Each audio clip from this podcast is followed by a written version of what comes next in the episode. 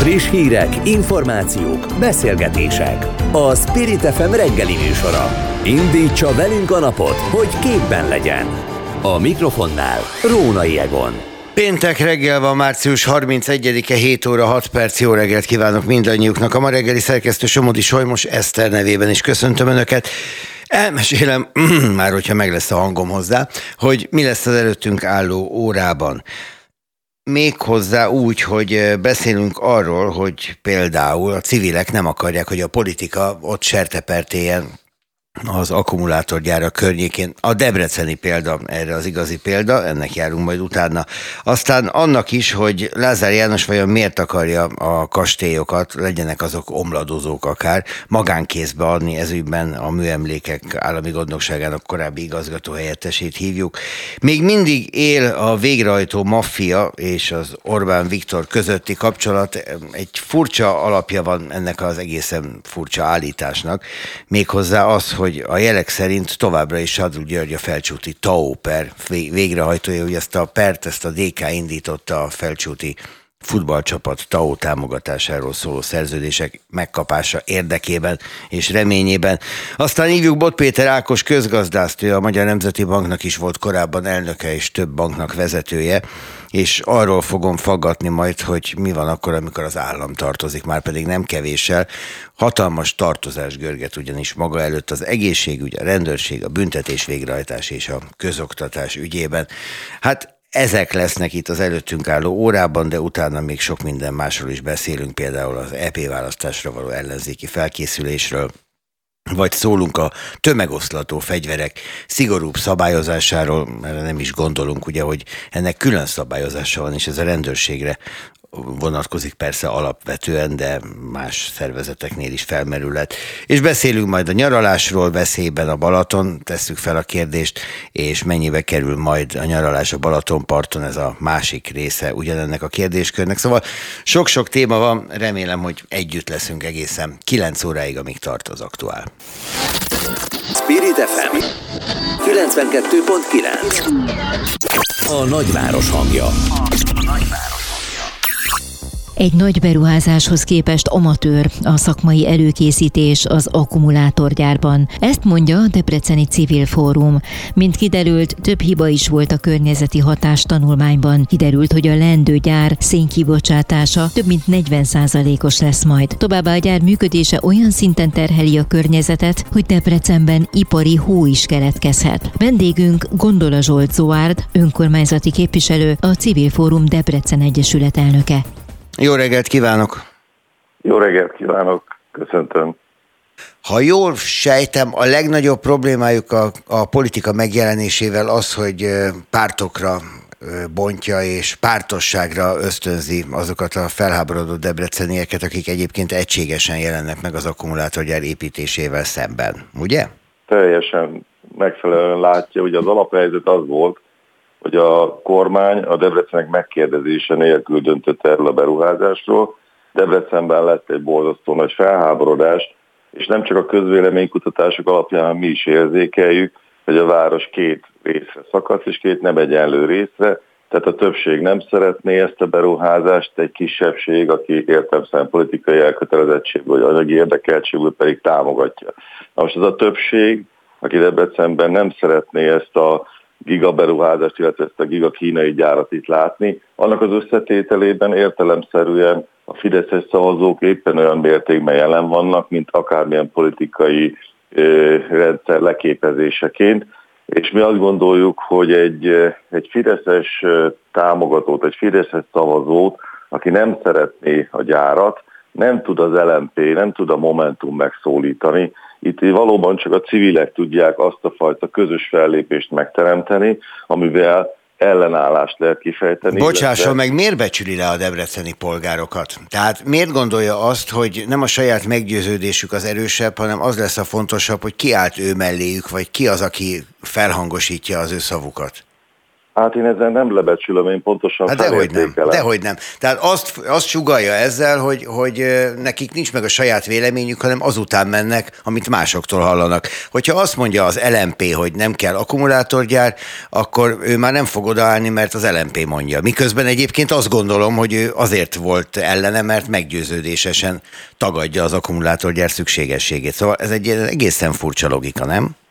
Hát én nem tartom annyira furcsa logikának, én ugye ebbe a millióbe élek, én azért tudom, hogy a debreceniek nagy többsége azzal, hogy a város mellett kiáll, felülemelkedik pontosan ezeken a pártreferenciákon. Tehát én pont fordítva látom, mint ahogy ön, én azt gondolom, hogy igenis meghaladja azokat a pártreferenciákat, amiket korábban kialakítottak, és igenis itt van egy olyan együttműködés, ahol nem azt tekintik, hogy melyik párt mit mond, hanem egyszerűen kiállnak amellett, hogy nem szeretnék ezt a gyárat. Na, Tehát akkor viszont mindegy, hogy melyik párt mondja, az a lényeg, hogy azt mondja, amit ők gondolnak, mert akkor szövetségesük. Nem? Hát ebbe, ebbe egyetérthetünk, igen, ilyen módon, csak az a baj, hogy a, a pártok között ilyen téren viszont nincsen ugye olyan, olyan együttműködés, ami ugyanezt az egységet kifejezni. Itt Debrecenben elindult az egyik párt aláírásgyűjtést kezdeményezni, ugye nem vette fel az íveket. Ez volt az LNP. Igen, a másik párt tartott egy gyűlést, és utána szólt mindenkinek, hogy gyertek utána. Tehát és azért látszik a egész rendszerben, hogy ugye amikor január 9-én megvolt ez a közmeghallgatás, és igazán nagy média vízhangot kapott Debrecen, azt követően jelentek meg zömében a kis pártok. És ugye hát én azért a emlékszem, ne haragudjon, én azért emlékszem arra, hogy Smuk Erzsébet azon a meghallgatáson ott volt, és hát az ATV híradóban lehetett is látni, hogy voltak éppen magából kikelve veszekszik, vitatkozik, érvel az asztalnál ülőkkel szemben. Hát ez így is volt, és ott volt a Momentum is, és ott volt a DK, és ott volt a látja. is, és ugye meg is kapta mindenki abba a pillanatban, hogy egy pártpolitikát csinál egy olyan ügyből, ami egyébként önkormányzati civil ügy lenne. Na most akkor itt álljunk meg. Jó. Igen? Nem pártpolitika az, hogy a Fidesz vezette kormányzat rá akarja erőltetni Debrecenre azt a gyárat, amit Debrecen népe nem akar? Hát én azt gondolom, hogy ez egy kormányzati döntés. Hát igen, és melyik párt van a kormány mögött? Azt én elfogadom persze, hát ez értelemszerű, de ugye a pártpolitikában, tehát addig, január 9-ig ez a vita, ugye ez augusztus elején kezdődött, ez jószerűvel szakmai szinten folyt. Kérdeztünk, válaszoltak, közvéleménykutatás volt, tehát a politika nem jelent meg január 9-ig ebben az ügyben. Azt követően erősödött fel, és azt követően valóban ott tartunk, hogy ma már egy két nappal ezelőtti sajtótájékoztatónkra is azt válaszolja a Fidesz, hogy mi is már baloldaliakhoz hasonlóan riogatjuk a Debreceneket. De akkor hadd kérdezzek másfelől. Önök mire jutottak január 9-e előtt az akkumulátorgyár ügyében? Mit tudtak elérni a kormánynál, amitől optimistábbak voltak, mint utána, ahogy megjelent a politika? Ugye mi képviselettel rendelkezünk az önkormányzaton belül, mi voltunk az egyetlen olyan szervezet, amelyik a kérdések remény után nem kaptunk választ, kivonultunk az utcára, négy heten keresztül megkérdeztük a debreceneket, hát gyakorlatilag megpróbáltuk azt a munkát elvégezni, amit akkor sem a önkormányzat, sem a pártok nem tettek meg. Ugye ez egy közvéleménykutatás volt, itt nagyon egyszerű kérdéssel akarja, nem akarja, ismeri, nem ismeri, és ez a közvéleménykutatás alapján mi tártuk november elején a közvélemény elé azt, hogy bizony Debrecenben igen jelentősen ellenzik ezt a, ezt a beruházást. És utána eltelt két hónap, mi történt az alatt a két hónap alatt? Azt mondta a kormány, hogy jó kedves civil fórum Debrecen, ha ti ezt ennyire ellenzitek, és ezt ki tudtátok mutatni a debreceni polgárok akaratával, akkor mi elállunk ettől a gyártól, vagy mi történt, amitől azt gondolja, hogy pont a politika megjelenése az, amelyik akadályozza azt, hogy a céljaikat elérjék? A január 9-e és e között a közvéleménykutatás nyilvánosságra tételek között megjelent ugye a különböző hatósági eljárások érdekében a környezeti hatástanulmány, illetve megjelent ez a biztonsági jelentés. Ehhez mi például ebben a hatósági eljárásban több mint 45 kérdést tettünk, észrevételt tettünk. Ezekben is kimutattuk azt, hogy ezek az anyagok nem igazán voltak szakmailag megalapozva, komoly problémák voltak benne, számszerű eltérések, és mi azt kértük, hogy ezeket a hatósági engedélyezésnél ezeket vegyék figyelembe. Tehát az a két hónap, három hónap, ami eltelt ebbe az időbe, az alatt mi folyamatosan ezekre a szakmai hibákra hívtuk fel a figyelmet, ugyanis ugye átment egy hatósági eljárásba ez az ügy, és mi ezt szerettük volna valamilyen módon megakadályozni. Ugye ennek része volt ez a két közmeghallgatás, tehát azt sokan elfelejtik, hogy ez egy hatósági meghallgatás volt, ez nem a város által így van. Így van. Tehát ez, ez egy kötelező kür volt, hogy úgy mondjam, de ugye ez egy fejlődés történet, tehát azért mondom, hogy kiragadva azt, hogy, hogy egy-egy rész hogy néz ki. Most ugye az a szakasz történik, hogy ugye azt hiszem több egyesület is megtámadta például a, a hatósági engedélyeket, ugye ezen a vonalon megy. Mi is tervezünk húsvét után egy közterületi rendezvényt, amin próbáljuk tiltakozni.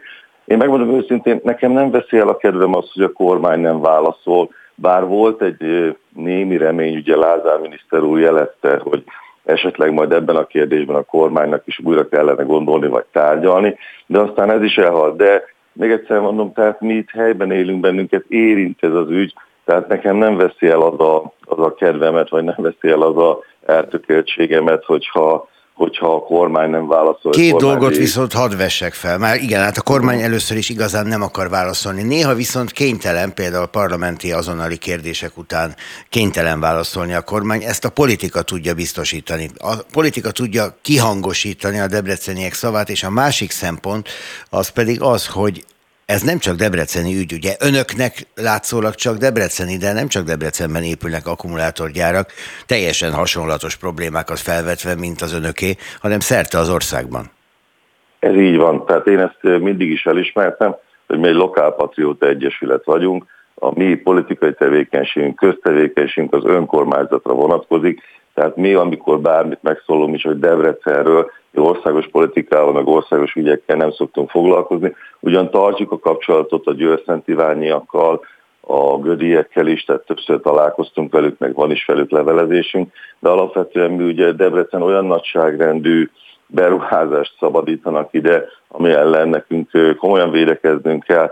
Tehát mi az országos politikába ilyen téren nem folyunk bele. Ugye sokan, és ön talán ezt nem biztos, hogy itt érzékelte, de sokan, amikor megjelentek a közmeghallgatás után, azt hitték, hogy majd Debrecen valamilyen politikai fordulatot csinál. És ez a különbség egyébként a nézőpontban, amit, amit most ön is mondott nekem, ugye sokan azt hitték, hogy majd Debrecenből itt mindenki forradalmat csinál, ugye nagyon ö, nagy volt a felháborodás, de aztán kiderült, hogy ez egy helyi ügy, itt a helyiek azt szeretnék, ha nem lenne meg, és nem, nem valamiféle más politikai ö, felhanggal állnának emellé az ügy mellé. Én ismerem a debreceneket, és én tudom, én látom, hogy, hogy azért, és szerintem ön is érzékeli, hogyha van egy gyűlése ennek a pártnak, akkor sokszor még a ellenzéki párt rajongói vagy támogatói sem mennek el oda. De én azt gondolom, hogy egy helyi civil szervezetnek, és ilyen volt éppen nem csak a helyi, mert a Miket Pélcsi anyukák is, amikor szervezték a gyűlésüket, ugye mi is kivonultunk oda,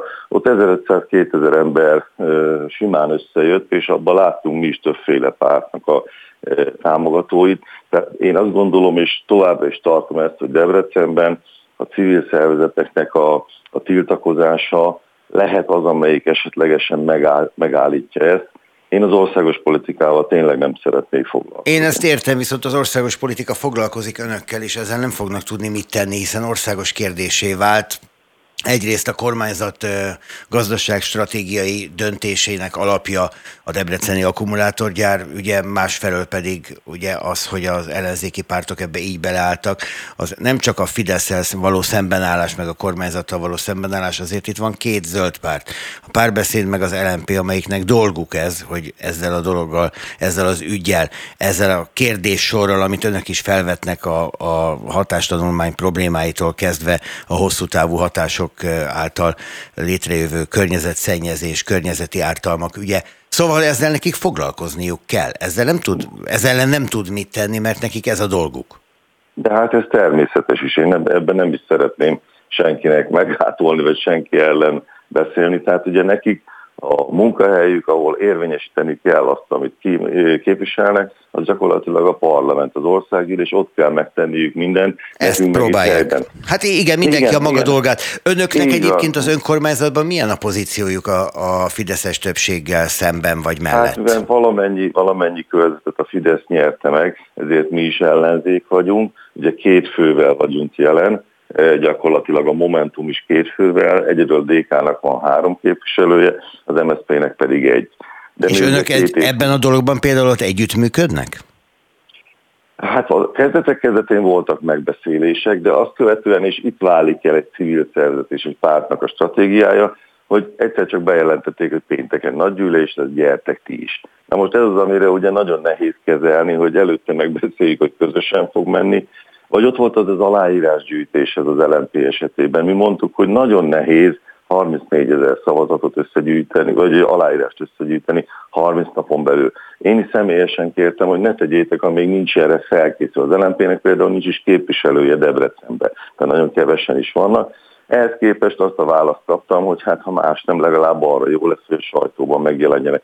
Szóval nehéz egy olyan együttműködést kialakítani, amiben minden párt ugye önmagát akarja megmutatni, és ugye talán ez a különbség a tartalmi rész, meg a, meg a eszköz között, hogy én elfogadom azt, amit ön mondott, hogy a zöld pártok, meg, meg egyéb pártok szeretnének ebben e, megjeleníteni önmagukat, de ugyanakkor az eszközök nem mindig jók. Sőt. Hogyha önökkel együttműködve, összehangolva a mozgásukat e, dolgoznának tovább, akkor úgy gondolná, hogy tud együttműködni a pártokkal? Mondjuk az önök civil fórum egyesülete? Ez két kérdést költ akar, mert ugye most már láthatóan a jövőt tekintve, mivel a kormányzat nem nagyon reagált semmire, és nem látunk elmozdulást, mi úgy látjuk, hogy az igazi népszavazás az majd az önkormányzati választás lesz itt Na, de annak az eredménye másfél év múlva lesz, addigra kész az akkumulátorgyár. Azt ugye nem gondolja, hogy egy felépített akkumulátorgyár nem fog megnyitni. Bocsánat, de azért ezt is tegyük már tisztába, tehát ugye most mennek az engedélyezési eljárások, azt még nem tudjuk, hogy lesz az engedélyezési eljárás körébe például felfüggesztés. Az építés legjobb esetben is, hogyha minden optimális, akkor nyáron kezdődik el, és a gyár csak 25-ben kezdi el a működését. Tehát még nincsenek ki. Nem úgy van, hogy 25-ben indul, működik teljes kapacitással, és fokozatosan az indul el? Ütem, az első ütem 25-ben kellene, hogy elinduljon, 24 májusában van a választás. És 24 gondolom, októberében rá fél évre, vagy novemberben veszi át az új polgármester a pozícióját. Hát egyrészt, de azért már 24 májusában lehet látni, hogy van-e változás a képviselőtestületben, tehát hogy a Debrecenek ezzel a gazdaságpolitikával egyetértenek, vagy sem. De látja, de nekünk... amiről, bocsánat, amiről most beszélünk, az pártpolitika. Ugye van egy fideszes polgármestere a városnak, és ön azt mondja, hogy majd akkor, ha nem tetszik a debrecenieknek, akkor leváltják a fideszes polgármestert, és a helyére ültetnek valakit, mondjuk egy civilt, elfogadom, lehet, hogy éppen önöket. De ez is pártpolitika, ez egy párt nem, ez alapú egy döntés. Ez egy ez egy lokális politika, ez helyi politika. Hát, hogyha civilek ülnének a, a polgármesteri hivatal valamennyi pozíciójában és a testületében, akkor igen, de nem civilek ülnek, hanem a Fidesz delegáltjai javarészt.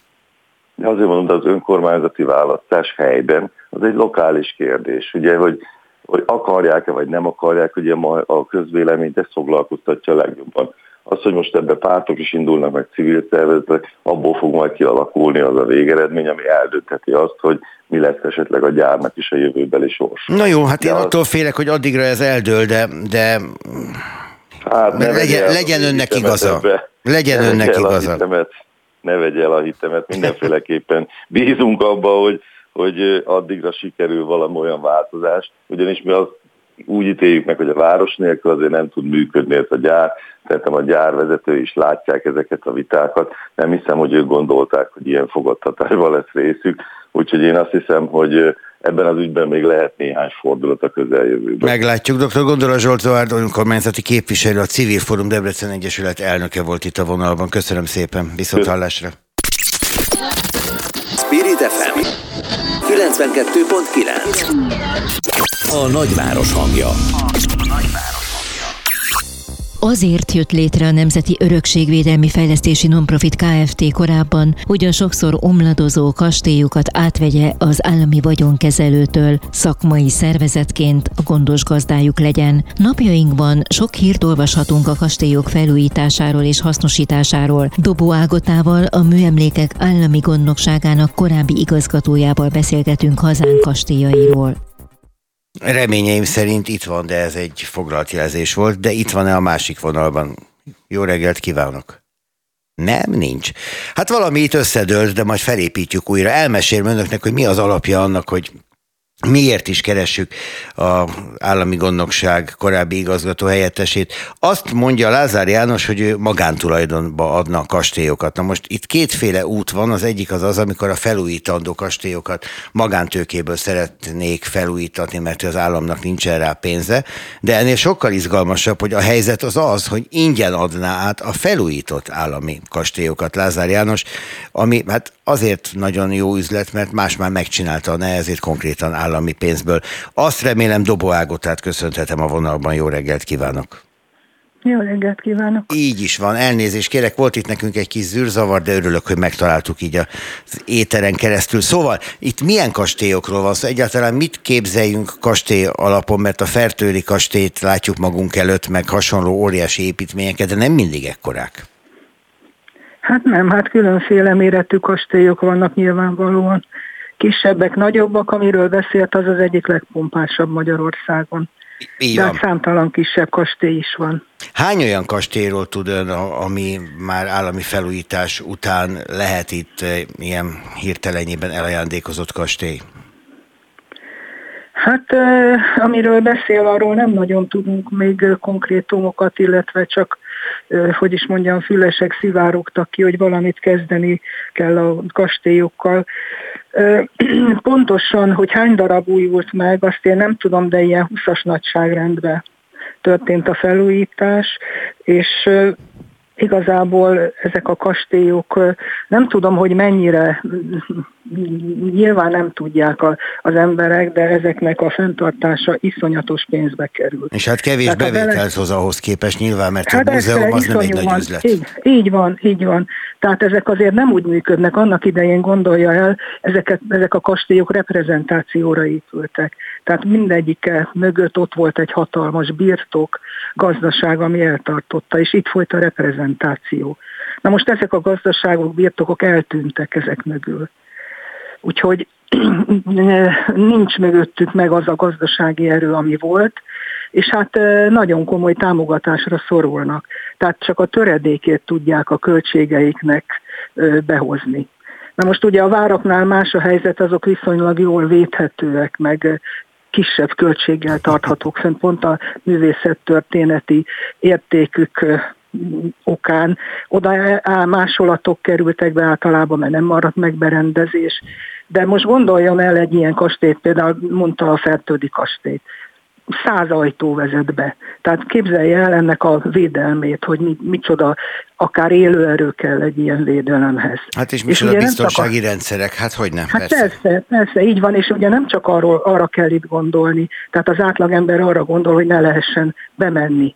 De hát ott van a töménytelen értékes műtárgy.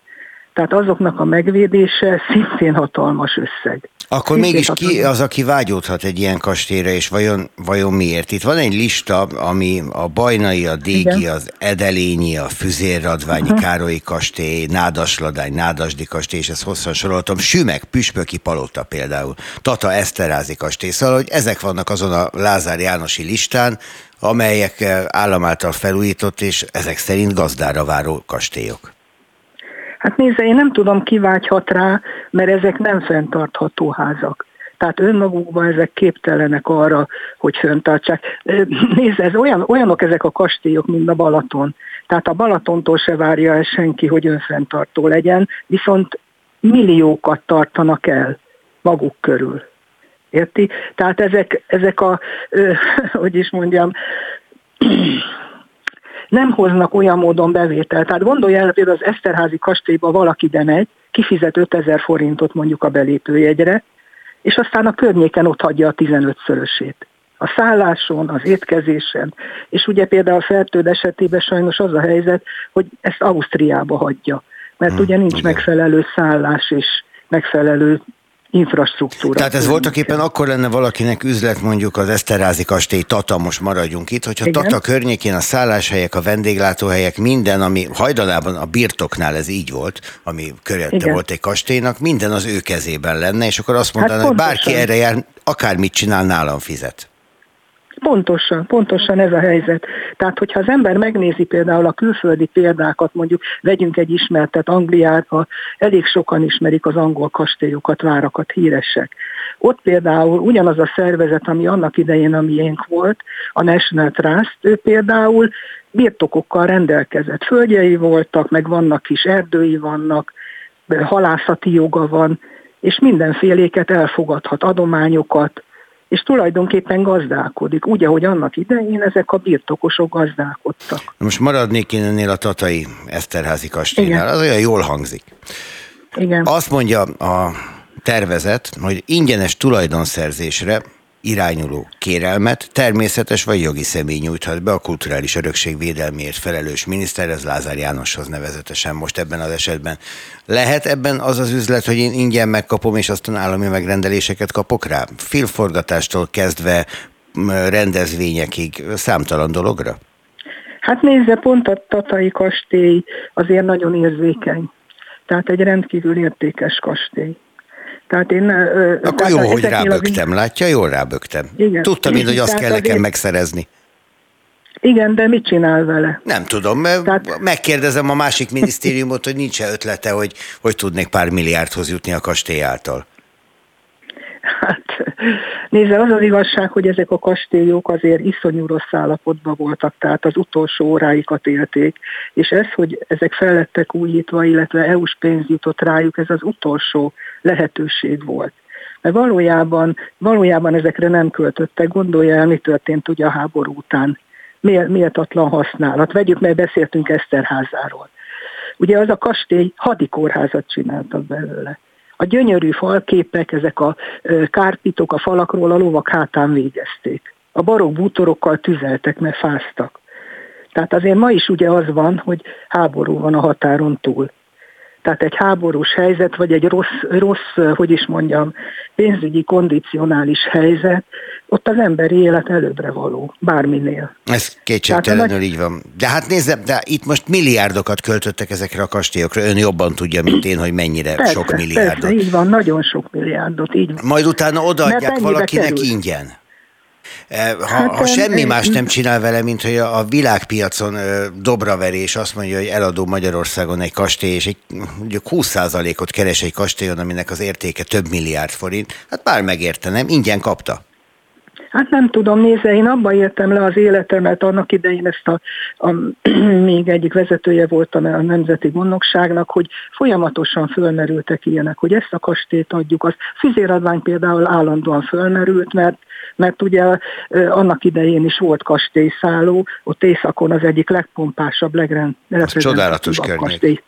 Igen. Ez a Károlyi kastély, igen. Igen, a Károlyi kastély füzéradványba, most, de nem lett eladva. Tehát én úgy vagyok ezzel, hogy, hogy hiszem, ha látom. Hm. Tehát ilyen, ilyen ötletek állandóan fölmerültek, de valójában nem valósultak meg. Ön szerint van realitása annak, hogy valaki elvisz egy ilyen kastélyt ingyen, és utána azt valóban tudja működtetni, ha mondjuk vagyonos nem, ember, és tud ezt, vele valamit nem. kezdeni hosszú távon?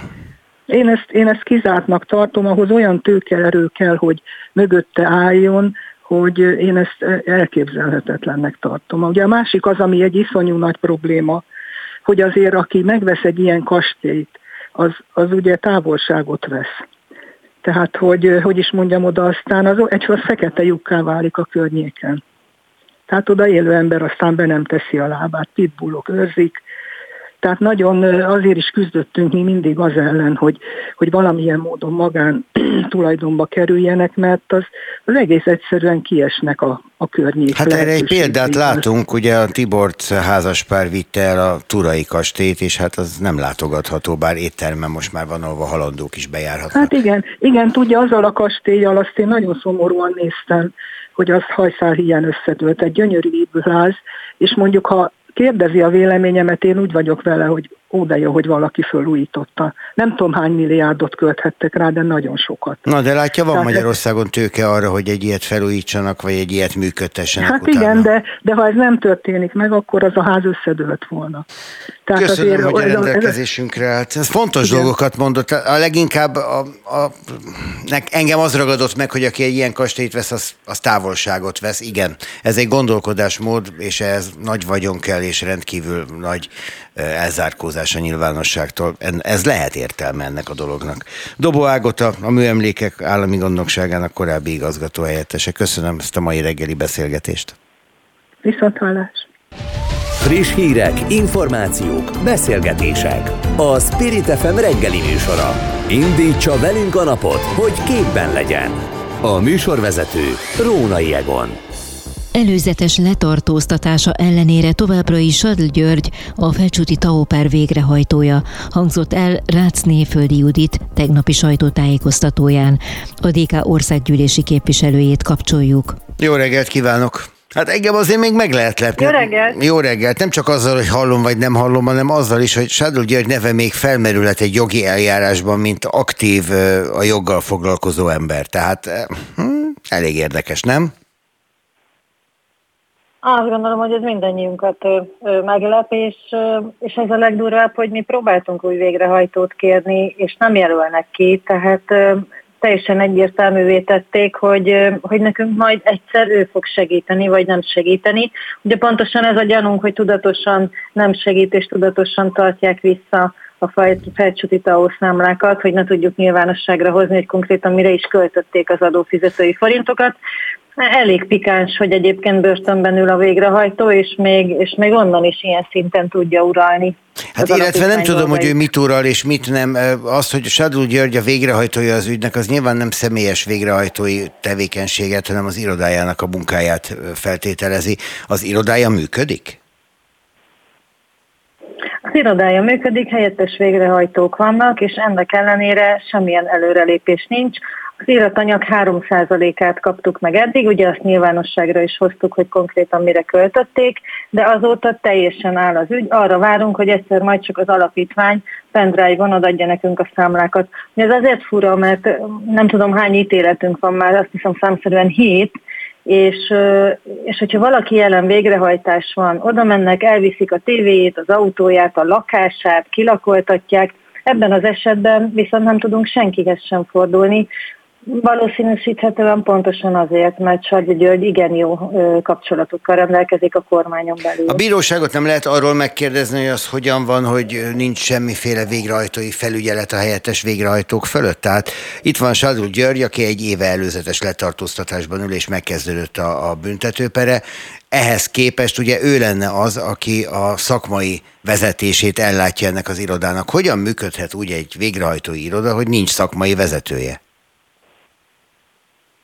Hát erre a válaszra várunk, és ahogy meg lesz ez a válasz, az, az nyilvánosan, nyilván szívesen el fogjuk mondani. Ezt kitől hogy várják ezt a választ? Ez nagyon sokakat érdekel. Ezt majd a kúriától. Tehát a kúriához fordultak ebben az ügyben. Uh-huh. Hát akkor ez egy logikus Igen, felvetés hát volt a részemről, önöknek is eszükbe jutott, jól van. Akkor ebben legalább megvan a közös többszörösünk. Azt mondja el nekem, legyen kedves, hogy különben hol áll az ügy. Tehát az, emlékszem, hogy megpróbáltam megszerezni a felcsúti TAO támogatásokkal kapcsolatos dokumentumsort. Mondta az előbb, hogy 3%-át kapták meg, de abból a 3%-ból mi látszott? A 3%-ban az, hogy elképesztő mennyiségű összeget költöttek utazásra és étkezésre. Tehát a Túroruditól a Libamáig, a Fornettén keresztül tényleg ez volt a legmagasabb tétel, külföldi utazások, edzőtáborok, fűtőgyep, szauna, jó, ennek gondolom, egy része sportszakmai ezek, cél, tehát a külföldi edzőtáborozás, meg a fűtőgyep, mindegy, mit gondolunk a fűtőgyepről, hozzátartozik ma a világ futballjához. Ezek legalább sportszakmai típusú felhasználások. Hát a Fornetti meg a Túro Rudi az megkérdőjelezhető, nem biztos, hogy erre adják a TAO támogatást. Hát igen, és hogyha ha tényleg nincs ezekben semmi, vagy nem lenne ezekben semmi, és tényleg valóban arra költenék, hogy a, hogy a fiatalok ö, ö, sportoláshoz való kedvét növeljük, és egészségmegőrzés célból ö, ö, alkalmazunk ilyen programokat, akkor azt mondaná az ember, hogy rendben van, de, de miért titkolják? Tehát, hogyha ez valóban így lenne, akkor mi az oka annak, hogy most már több éve küzdeni kell ezért, ítéletek ellenére. Tehát valamit tudatosan titkolnak, és nem akarnak nyilvánosságra hozni, pedig most már kimondta több bíróság is, hogy a TAO támogatás bizony közpénz, tehát el kellene, hogy számoljanak vele. Valamiért nem teszik. A kuriától a végrehajtók ügyében várnak állásfoglalást, vagy viszik tovább a TAO kérdést magát is? Visszük tovább a, a TAO kérdést, várjuk a választ, hogy ki lesz az új végrehajtó. Ugye egyszer már volt végrehajtó cserénk, mert nem a volt az első végrehajtónk, ott elfogultságra hivatkozva az előző végrehajtónk visszaadta az ügyet, és akkor kaptuk meg Sad Györgyöt, úgyhogy abban bízunk, hogy kapunk egy új végrehajtót, és azonnal fel fogjuk keresni, és nyilván elindítjuk a folyamatot. Az a baj, hogy karhatalmi segítséget a jog nem enged. Mi próbálkoztunk karhatalmi segítséget kérni, hogy oda menni, megpróbálni a számlákat elhozni, sajnos erre nincsen lehetőség. Hát az mondjuk egy érdekes jogrend, ahol a bíróság ítéletét nem lehet kierőszakolni, de ez, ez egy másik téma. Az előző végrehajtó elfogultsága az miféle volt? Túl közel volt politikailag a dologhoz, vagy hogyan? Mert ehhez képest Sadul Györgyé, mint elfogulatlan végrehajtója, inkább vicces. Ugye Felcsútról van szó, és a végrehajtó a szomszédos településen lett kijelölve Bicskén, és valószínűleg volt valamilyen kapcsolat az alapítvány vezetése és a végrehajtó között. Régóta barátok lehettek, vagy, vagy jó ismer, ismertség volt, és emiatt hát ugyan várt kilenc hónapot, de kilenc hónap után visszaadta az ügyet. Hogy mi, miért kellett ehhez kilenc hónap, azt, azt sajnos nem tudom megmondani. Hát végig kellett gondolnia nyilván a saját helyzetét. Na, Sadó Györgynek nem kellett a jelek szerint. Köszönöm, hogy a rendelkezésünkre állt. Kíváncsian várjuk, hogy merre halad ez az egészen partalannak látszó történet. Ha valami információhoz jutnak, osszák meg velünk. Rászé Földi Judit, a DK országgyűlési képviselője volt itt a vonalban. Viszont hallásra. Spirit FM 92.9 A nagyváros hangja. Egy hónap alatt 26 milliárd forinttal nőtt a közintézmények teljes adósága. Januárban 15,5 milliárd forint volt a költségvetési szervek rezsitartozása, ami február végére megduplázódott, írja a Magyar Államkincstárnak a napokban nyilvánosságra hozott adataira hivatkozva a népszava. Bot Péter Ákos közgazdásszal beszélgetünk. Van egy olyan mondás, hogy az állam jó adós, mert a végén mindig fizet, de hát hogy mikor, mikor van az a vége, az egy nagy kérdés. Bot Péter Péter Ákos, jó reggelt kívánok!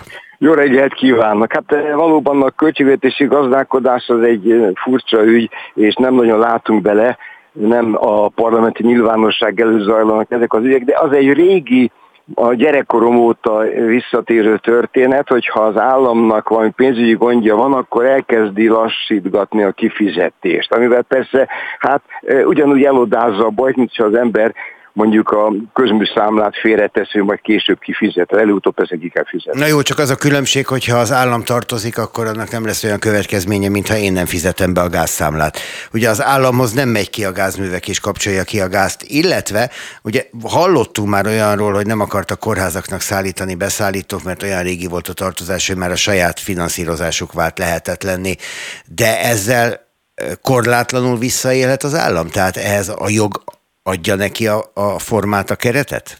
Hát a jogi részét félreteszem, mert alapvetően gondolom, hogy a magánjogi szerződésnél az állam pont olyan, kivéve, hogy nem szívesen perelik be de azért az állam fizetni szokott, csak ha később fizet, akkor a szállító ezt tudomásul veszi, és a következő alkalommal már igyekszik ezt a vesztességet, mert neked vesztesség beépíteni. Úgyhogy tulajdonképpen ez egy olyan szerencsétlen megoldás, most a megoldás idézőben mondom, amivel akkor szoktak élni, hogyha valami pénzügyi megnehezedés állt be, valami zavar, amit mi nem is tudunk most pontosan, de azt látjuk a hivatalos adatokból, hogy az első két hónapban óriási lett az államáztartás hiány, és már talán két éve volt az a gyakorlat, hogy ilyenkor a valaki, gondolom a pénzügyminiszter, vagy annak a főnöke rá üvöltött az állami szervekre, hogy lassítsák a kifizetést. Ezzel természetesen nem lehet elkerülni, csak elodázni egy kicsit a gondot, számítva arra, hogy utáni fokkal jobb lesz. Hát ezeket a belső titkokat mi nem ismerjük, azt látjuk, és ezt lehet hallani a vállalkozói körökből, hogy megint romlott az állam fizető képessége, de hát azért előbb-utóbb csak fognak fizetni, és hát mit csinálnak ki az állam a üzlettel, Magyarországon az állam a legnagyobb gazdasági szereplet a közbeszerzéseken, egyébként keresztül a, a nemzeti összterméknek most nem is tudom, 15-16 százalékát finanszírozza, ha finanszírozza. Nyilván, hogyha valakinek tartozik az állam, a végsőkig próbál kitartani, mert hogyha nem ezt teszi és elkezdi verni az asztalt, akkor leseti a következő állami megrendelést is. Hát jó néhány olyan vállalkozás van, amelyik konkrétan ebből él, de azért az, hogy 572 központi költségvetés alá tartozó intézményből az államkincstár szerint 406-nak volt lejárt tartozása, az azt jelenti, hogy aki az állammal üzletel, az ma arra számítson, hogy majd egyszer megkapja a pénzét, de nem akkor, amikor kell. Szóval nyilván ez nem jó jel. Hát mindig szokott lenni valami kis, valami kis ilyen probléma, vitatnak egy tétel, de én, én is úgy látom most, hogy ez, ez nehezedett, és, és hát amit lát az ember a hivatalos adatokból, az az államháztartásnak a hiánya az első két hónapban az egész évre tervezetnek, már például nem volt kicsikke az a betervezett hiány, talán 43%-a már összejött. Na most ilyen vaszak kezdés régen volt, mert általában az szokott lenni, az elmúlt három-négy évben az volt a minta, hogy az évelején még nem volt olyan rossz a helyzet, akkor utána hát ha nem olyan rossz, akkor lehet nyugodtan költeni, és decemberben meg óriási pénzek zúgtak ki.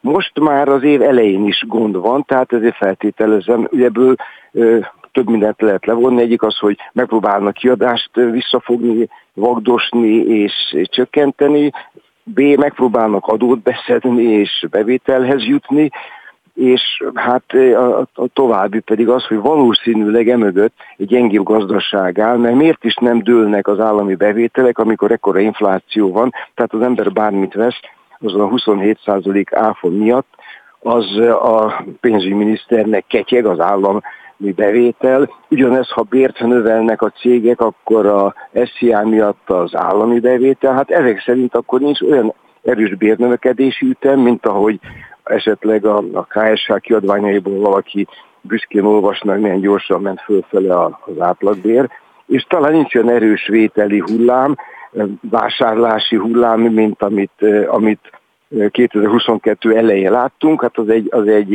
rekord költekezés volt. Na, de többek azon... között ettől várják, bocsánat, hogy közbevágok professzor úr, többek között ettől várják, hogy az infláció megcsökkenjen, hogy hát a vásárlási hullám az, az gyengül, tehát így van, egyre kevesebb így pénz áramlik ki. Pontosan. Hadd kérdezek valamit, kíváncsian arra, hogy önnek ez mit mondhat ez az adat. Ugye januárban az államháztartás hiánya 150 milliárd volt. Ez nagyjából még adja is azt az összeget, amit az egész éves hiányra terveztek. Februárban 1381 milliárd. Tehát majdnem a, a tízszerese némi, némi kerekítéssel és túlzással. Havi adatokkal nem, az ember nem tud mit kezdeni, mert a kiadások azok néha lökésszerűek, és a bevételek is lökésszerűek. Már két hónap azért már mond valamit. Tehát a, a január az mindig különleges, a december meg a január az mindig különleges egy cégnél is. De az első kettő hónap az már mond valamit, és hát ez, ez mutatja azt, hogy valóban a gazdaság valószínűleg gyengébb, vagy a kiadási lelkesedés nem sikerült úgy visszavágni, mint ahogy gondoltuk. Hát van egy miniszter, ugye Lázár miniszter úr, akinek egy feladat, hogy leállítson le állami beruházásokat, és ez nagyon kellemetlen, meg állami támogatás, nagyon kellemetlen feladat. Szóval valószínűleg nehezen indult az év, de az a megjegyzés az nagyon pontos, hogy viszont ha ilyen gond van, az talán segít az infláció megfékezésében, mert hát ha nincs pénzünk vásárolni, akkor, akkor a kereslet gyenge. Tehát ez nem nagy öröm persze, mármint hogy, hogy recesszióban van a magyar gazdaság, de valószínűleg abban van. És ezt azért mondom ilyen bizonytalanul, mert a makroadatok mindig késve jönnek, és utólag még azokat tisztítják, de hát amit lát az ember a kiskerforgalomból, meg egyéb mutatókból, a bankoknak a hitelnyújtásából, tehát ilyen folyó adatokból azt lehet látni, hogy nem indult túl jól a 23-as év. Önnek, hogyha lefordítjuk a, egyszerű polgár nyelvére ezt a költségvetési hiányt, mi jut eszébe erről? Hogyan fogjuk ezt mi hétköznapi módon érzékelni, hogy baj van az állami költségvetéssel? Hát nekem személyesen a 70-es évek jutott eszembe, amikor volt egy gyorsítás, akkor utána belütközött egy problémába, az akkor a külkermérleg volt, a külkereskedelmi egyensúly, ami éppen most is probléma, és akkor jött a következő negyed évben, hogy az arra kijelölt elvtárs visszavágta a kiadásokat. A marjai elvtárs, ami idősebbeknek mond valamit, kiúzogatta a, a tételeket. Na, ő most Lázár elvtárs?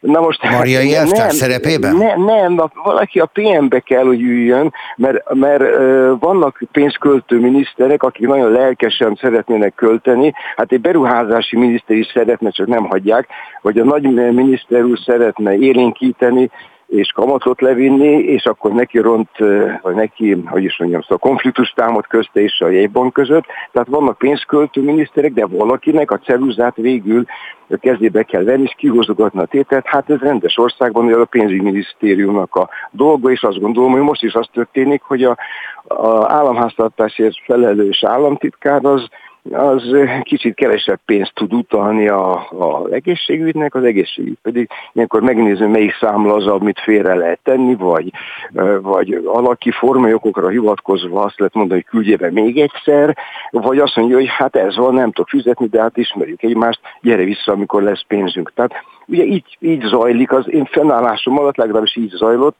na most vannak ügyek, amik nem nagyon múlnak el a történelemben, én azt hiszem, hiszem, hogy ez, ez is azok közé tartozik. Lázár Jánosnak sem lehet minden esetre könnyű, mert ő meg ugye a beruházások megszüntetéséért felelős hogy ne is. Miniszter, Nagyon és ez nem egy könnyű feladat. embereknek ígértek oda pénzt, és azok a befolyásos emberek most azt látják, hogy a, nekik megígért 30 milliárdból csak 8 milliárd csöpög. Hát az, ez nagy kiesés lehet szegények. Micsoda telefonhívások lehetnek Lázár János telefonkészülékében. Na jó, ezt nem fogjuk megtudni soha, viszont önnek köszönöm, hogy itt volt velünk. Ez is egy telefonhívás volt, talán egy kicsikét békésebb.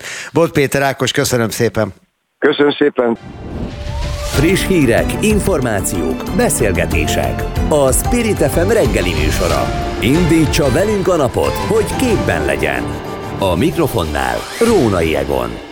Jó reggelt kívánok! 8 óra 6 perc van. Orbán Viktor beszélt ma reggel a Kossuth Rádióban, ez a szokásos péntek reggeli. Azt mondta, hogy nem kétséges, hogy a háború egyre véresebb és brutálisabb, de csak Magyarország áll a béke mellett, miközben a világháború reális veszély. Tehát mit sem változott a kormányzati narratíva az elmúlt hetekben ahhoz képest, amit utoljára Orbán Viktortól hallottunk.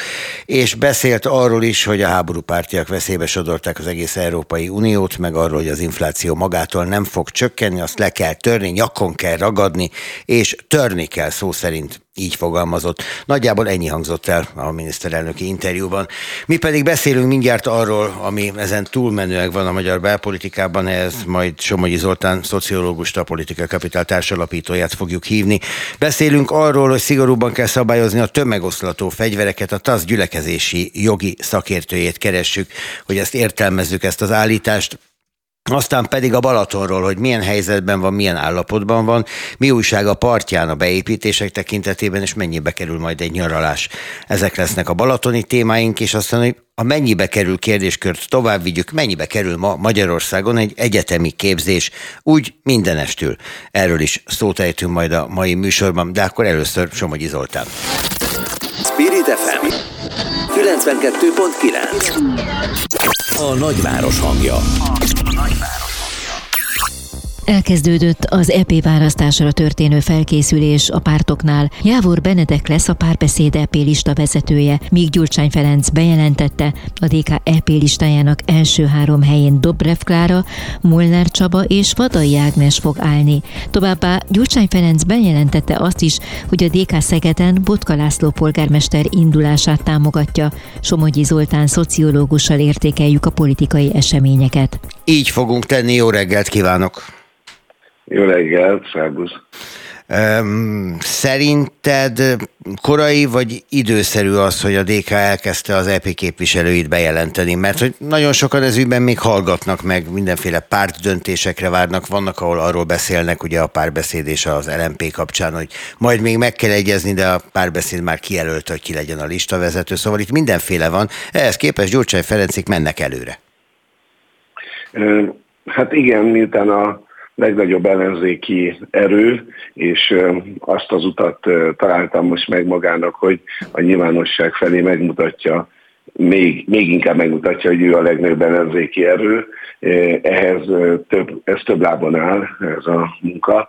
Az egyik, hogy egyre több politikust vonnak el más pártoktól magukhoz, például az előbb említett párbeszédből elég magas rangú politikusok mentek át a DK-ba, de a többi pártól is mennek a a DK felé, ez az egyik. A másik, hogy olyan esélyes polgármesteri jelölteket jelent be, a, akik meg tudják nyerni az önkormányzati választást, e, és ott nincsen e, igazán nagyon nagy kivétel, aki, akivel meg tudnak állapodni, azzal mennek előre, ezt mutatja a Botka megállapodás is például, mert ugye annak van korábban története, de Botka László és Gyurcsány Ferenc nem az a két politikus volt, akik együtt kocsmáztak minden pénteken. hát finoman szólva sem. De téged ez igen, nem igen, lepett de... meg ez a bejelentés? Pontosan ezért is egy évvel korábban már? Nem, azért nem lepett meg, mert mind a kettő rászorul a másikra. Tehát a DK látja, hogy Botka László úgy vezeti Szegedet, nagyon régóta, ugye a legrégebben funkcióban lévő megyei jogú polgármester, tehát hogy, hogy ő egy erős, jó városvezető, elfogadják a helyiek, Botka László meg azt látta, hogy, hogy ez a DK már nem az a DK, amivel korábban vitatkozott, mert ez a DK egy erősebb DK. Ezért, ezért nem, nem lepett meg, hogy teljesen bin-bin játszmának nevezik ezt, ugye, hogy győztes játszma mind a két fél részére, tehát ezért nem lepett meg, és az, az is látszik, hogy a, a demokratikus koalíciónak e, a stratégiája az az, hogy az európai parlamenti választás majd megmutatja, hogy mely politikai erővel érdemes neki menni az országgyűlési választásnak, és melyiknek nem. Ugye ez attól függ, hogy mely politikai erő tud az egyáltalán az európai parlamentbe politikusokat küldeni, és ha be tud küldeni, akkor mennyit. Az, hogy Botka László könnyen adta magát, ha könnyen adta magát, ezt ugye én nem tudhatom, abban az is benne lehet, hogy ő ugye már független polgármesterként vezeti Szegedet, tehát az a konfliktus, ami MSP és DK között és ilyen módon a két pártvezető között, a két jelölt között volt korábban, ez a fajta konfliktus értelmetlen, érdektelenné vált, hiszen most ő függetlenként fogadja el a DK támogatását. Ez hát egy másik helyzet. Hát igen, hát egyrészt mások az arányok a, a DK és az MSP között. Ne felejtsük el egyébként azt, hogy, hogy Szegedet egy kifejezetten erős városnak tartották MSP szempontból, mert ott két erős politikus működött, Újhelyi István a másik, akit ugye az Európai Parlamenti munkájában is láthatunk, és most arról, besz, arról van szó, Újhelyi István is elhagyta az MSZP-t, de most arról van szó, hogy megkapja el a DK listájának a negyedik helyét. Tehát a, a DK pontosan tudja, hogyha a teret, teret akar foglalni a baloldalon, akkor nagyjából hasonló dolgot kell csinálnia, hogy a Fidesz liberális oldalról elfoglalta a konzervatív teret sokkal korábban.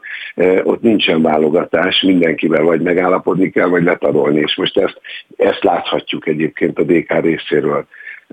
Ami pedig Botka Lászlót illeti, ugye ő nincs még itt az önkormányzati választás, tehát egy, egy, egy ilyen pillanatban, amikor, amikor még sok hónapra vagyunk az önkormányzati választástól, a korábban a választók által úgy ismert helyzetet, ahol, amiben egy nagy ellenfele van benne, azt most nyugodtan egy barátságként is idézőjelbe leoszthatja, mert még, még nincs itt a, az a kockázat, hogy mondjuk a választási kampányban kéne ezzel kapcsolatosan magyarázkodni. Tehát ha úgy veszem, akkor ezt nevezhetjük a, egy, egy szoktatási folyamatnak, hogy majd rá, szoktatja a választóit, hogy ez már egy új helyzet.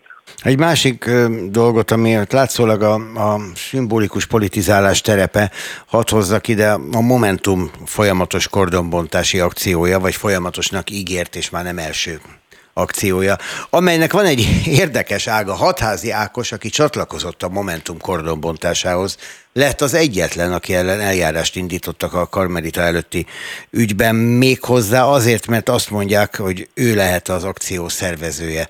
Azért ez egy, egy elég furcsa rendőrségi megközelítés, nem?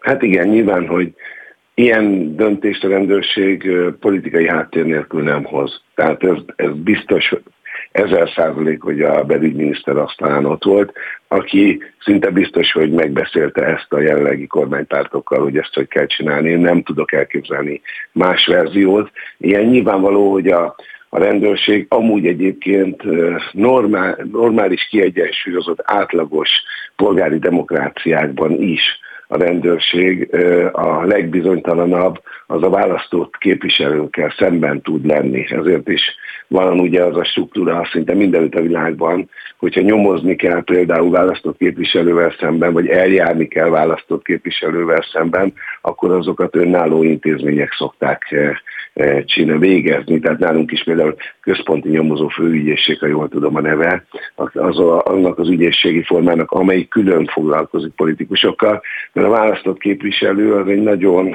erős pozíció, és választott képviselővel szemben hogyan lép fel a rendőrség egyébként egy politikai akcióban. Tehát ez nem más, itt most mi történt, politikai akció, egy, elbontottak egy kordont, amiben arra hivatkozik az ellenzék amúgy, hogy, hogy ott nem kellett volna kordont állítani, amire hivatkozik a kormányzati oldal, vagy, a, vagy nem tudom, az ügyintéző oldal, hogy azért van ott kordon, mert ott építkezés van, az nyilvánvalóan nem igaz. Én azt, azt sem értem, hogy miért nem tud ez több más területen is így van Magyarországon. Miért nem tudja a kormánypárt azt mondani, hogy azért állított oda a kordon, mert ott van a miniszterelnöki hivatal. És hogyha egy ilyet csinálna, akkor körülbelül egy esztétikai kérdésé válna, a dolog, hogy lehet-e ilyen ronda kordont odaállítani, akkor építsék fel úgy, mint mondjuk Londonban, ahogy védik a miniszterelnököt, akkor csinálják meg így, hogyha ez a politikájuk. Senki nem, nem tudna ezzel vitatkozni. Csak, csak Magyarországon valamiért ezt el kell hazudni, és akkor most már nem tudom én, több mint egy éve állítólag építkezés van, ami nincsen. Ez körülbelül olyan, mint amikor a miniszterelnök repül a kormányzati géppel, de az nem az ő kormánygépe, hanem a katonaság gépe, ezt sem értem teljesen. És különben sem magánprogramon nem le kellett szállni tankolni. Igen, így, így. Vagy eltérítették a gépet. Tehát nem tudom, de a lényeg, hogy, lényeg, hogy miért nem lehet azt mondani, ami van. Tehát mi nem lehet azt mondani, hogy a miniszterelnöknek, miniszterelnöknek a mindenkorinak lett egy gépe, egy, egy repülőgépe. Ugyanez miért ne a miniszterelnök hivatalt, miért ne lehetne megvédeni azzal, hogy odaállítanak valami falat. Hát lehet, lehet vitatkozni róla, hogy a várban ez így helyese, de önmagában nem lehet meg. És ami, hogyha, ami bár, bár, Zoli, hogyha ezen túllépünk, az mit mond neked, hogy a Momentumos képviselők, ugye ott országgyűlési képviselők ücsörögtek a, a Karmelita előtti ledöntött kordonon, úgy tesz a hatalom, mint hogyha a Momentumos képviselők ott sem lettek volna, és megfogják Hatházi Ákost, és felkérik rá, hogy mondjon le a képviselői mentelmi jogáról, hogy eljárást indíthassanak ellene. Igen, ez azért azért is olyan érdekes egyébként. Nekem mit mond, nekem nyilván, nyilván egy kicsit a, a háttere is megmozgat a dolognak, vagy hogy a funkciója, hogy miért történik mindez. Ha el akar a hatalom jelentékteleníteni egy politikai erőt, akkor nem vesz róla tudomást. Tehát ha el akar jelentékteleníteni a Momentumot, nem vesz róla tudomást. Ha ki akar emelni olyanokat, akik, akik maguk is, hát hogy is mondjam, nem átlagos módon viselkednek a politikában, és se perc alatt összevesznek a sajátjaikval is. Például Hatházival ugye ez megtörtént, hogy a Momentummal összeveszett még a legelején, de most együtt... Előtte meg az LMP-vel.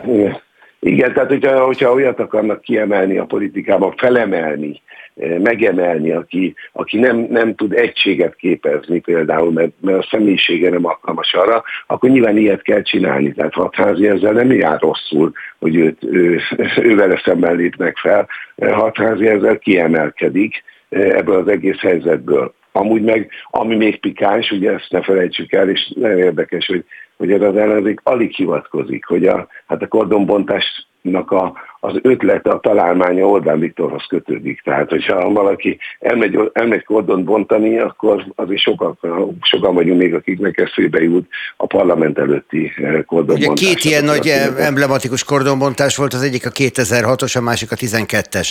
A 2006-os Orbán Viktor, a 12-es vagy 13-as az Karácsony Gergely. Igen, de hát melyik volt először? Hát ugye, ki, ki volt Igen. előbb? Na még egy témát hadd dobjak ide neked. Két zöld pártunk van most már névben is, ugye van az LMP Magyarország zöld pártja, és van a párbeszéd a zöldek.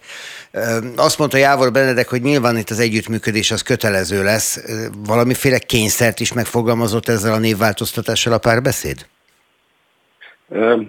Hát az LMP-ből induljunk ki, az LMP egy ilyen nagyobb néppárti pozícióra jelentkezett be, amikor, amikor elindult a magyar politikában, és volt is benne egy ilyen hangulat, hogy ez egy erősebb politikai közösség lesz, mint, hogyha, mint egy ilyen szakpolitikai erő. Most persze igazságtalan vagyok, mert pontosan tudom én is, hogy a zöld politika egész Európában nagyon, nagyon megerősödött az elmúlt időszakban.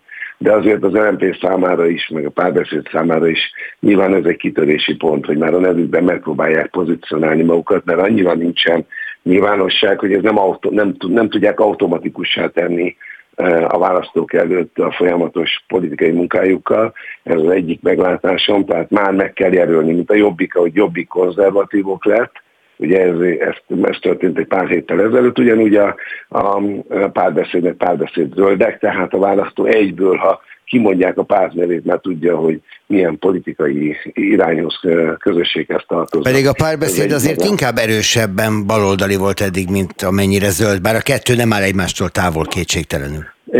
Hát egyrészt nem áll egymástól távol, másrészt ez, ez azt gondolom az lmp is ugyanígy elmondható. Tehát az a fajta, az, a zöld politika is nagyon sok fajta van egyébként Európában, de az a fajta zöld politika, az egy, egyébként lehet, hogy nem is lenne elég Magyarországon még. Tehát nem, nem, nem, tudom, nem tudom, hogy mi lenne jó nekik, de egy biztos, hogy mind a két párt nagyon-nagyon gyenge, és hogyha a személyi ellentéteken túl tudnak emelkedni, ami azért nem kevés volt, ahogy ki lehetett hallani a, a, a mind a két oldalról, akkor talán annyiban erősítetik egymást, hogy egyetlen zöld pártként próbálnak, vagy valami zöld közösségként működni. Nyilvánvaló, hogy hogy, hogy egymástól biztos, hogy vesznek el szavazatot, hogyha ha, ha egymástól függetlenül indulnak. Hát meg végül is közös a gyökerük, hiszen a párbeszéd az LNP-ből kiszakadt politikusok közösségeként alakult meg. Somogyi Zoltán, Igen. köszönöm az szépen. LNP, bocsánat.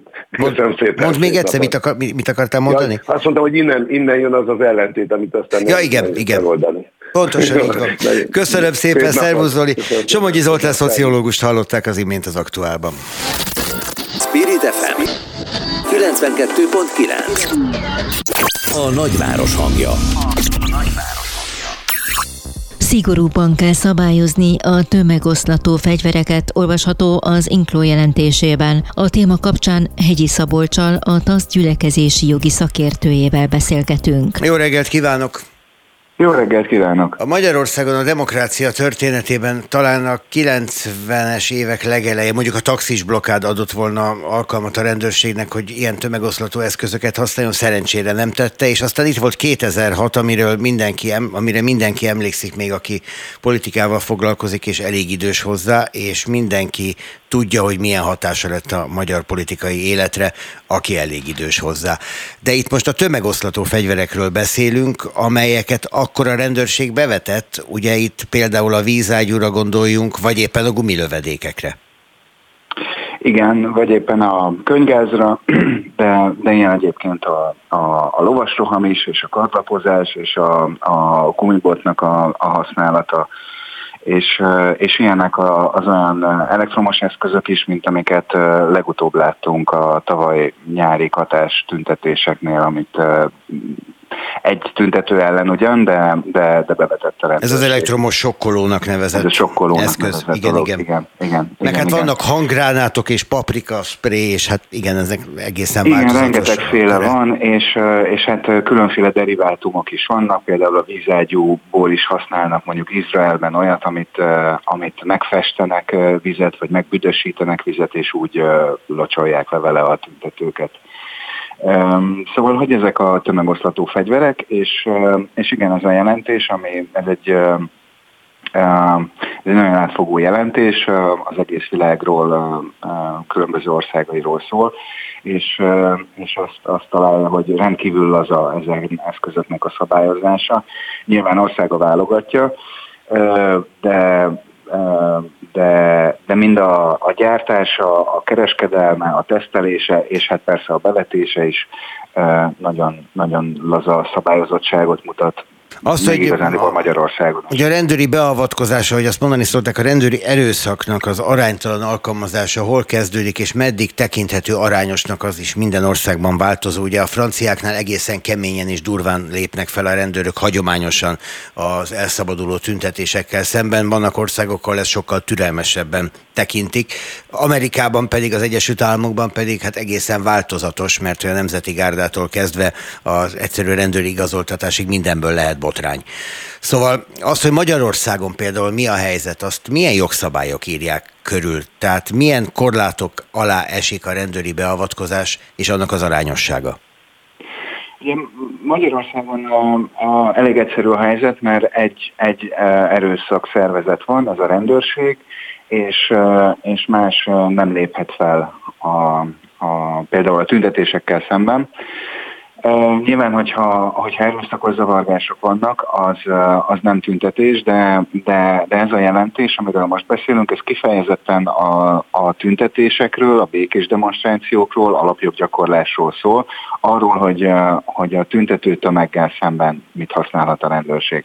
Egyébként a, a rendőrségnek a működését törvény szabályozza, és törve, a, rendőrségi törvény sorolja fel azt is, hogy, hogy a rendőrség milyen eszközöket vethet be, milyen sorrendben, milyen feltételekben, feltételek fennállása esetén.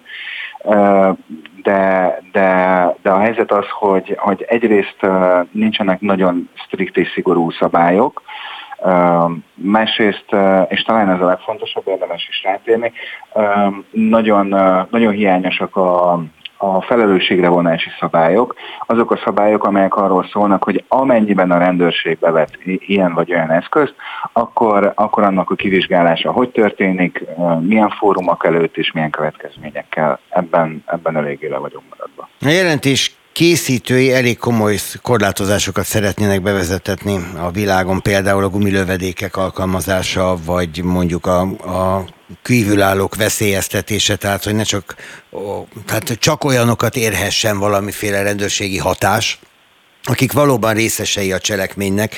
A könygáz mondjuk nem ilyen, mert a, a környéken is terjed, és mindenki sír tőle.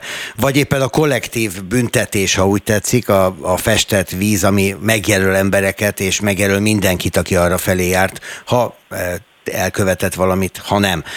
Ezekre mennyi az esély, hogy bárki is a világon, mert ez nem egy friss jelentés, és nem friss adatokon alapul, odafigyel ezekre a figyelmeztetésekre, hogy valaki reagál erre, és azt mondja, hogy jó, akkor korlátozzuk önmagunkat, mi az állam és az állam nevében fellépő erőszakszervezetek. Nos, ez a jelentés, hadd pontosítsak, éppen ellenkezőleg ez egy, ez egy vadonatúj jelentés, és és valójában már egy második része ennek a, ennek a kutatásnak. 2006-ban, 2016-ban, bocsánat, 2016-ban volt az első, és az azóta felelhető adatokat dolgozza fel. Ha én a 16-osnál akkor leakadtam a és, dologról. És kifejezetten az a célja, hogy, hogy a hát a nemzetközi közösség figyelmét hívja fel arra, hogy ahogyan az előbb beszéltük is, különböző országok nagyon különbözőképpen szabályozzák, és a különböző országok rendőrségei nagyon különbözőképpen alkalmazzák ezeket, a, ezeket az eszközöket. Vannak olyan országok, ahol, ahol teljesen szabályozatlan. Nyilván a globális dél országaiban, eh, Ázsia, Afrika egyes eh, diktatúráiban egészen, egészen kegyetlen módon eh, tudják alkalmazni ezeket, a, ezeket az eszközöket, és ez nyilván táplálja a gyártásukat is. Szóval a nemzetközi közösség, nemzetközi döntéshozói közösség figyelmét hívja fel arra, hogy hogy itt, itt ugye bár nem éles eszközökről van szó, nem éles fegyverekről van szó, ez, ez megtévesztő, mert, mert korán sem arról van szó, hogy ezek a, ezeknek az eszközöknek az alkalmazása nem okozhatna súlyos sérülést, vagy akár halált.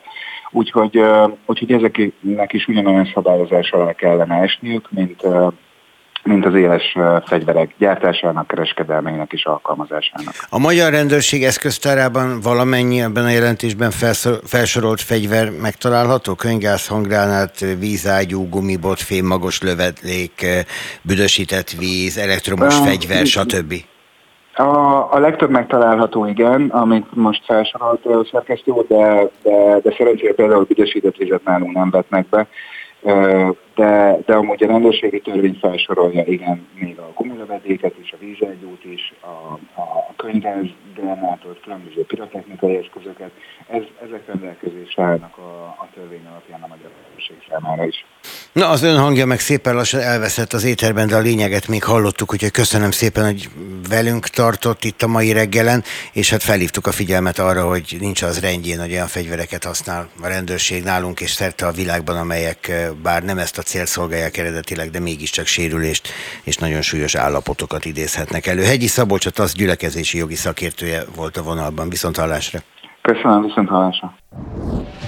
Friss hírek, információk, beszélgetések. A Spirit FM reggeli műsora. Indítsa velünk a napot, hogy képben legyen. A műsorvezető Rónai Egon. A tavasz beköszöntével sokan már a nyarat is tervezik, és az egyik kedvenc hazai úti cél a Palaton.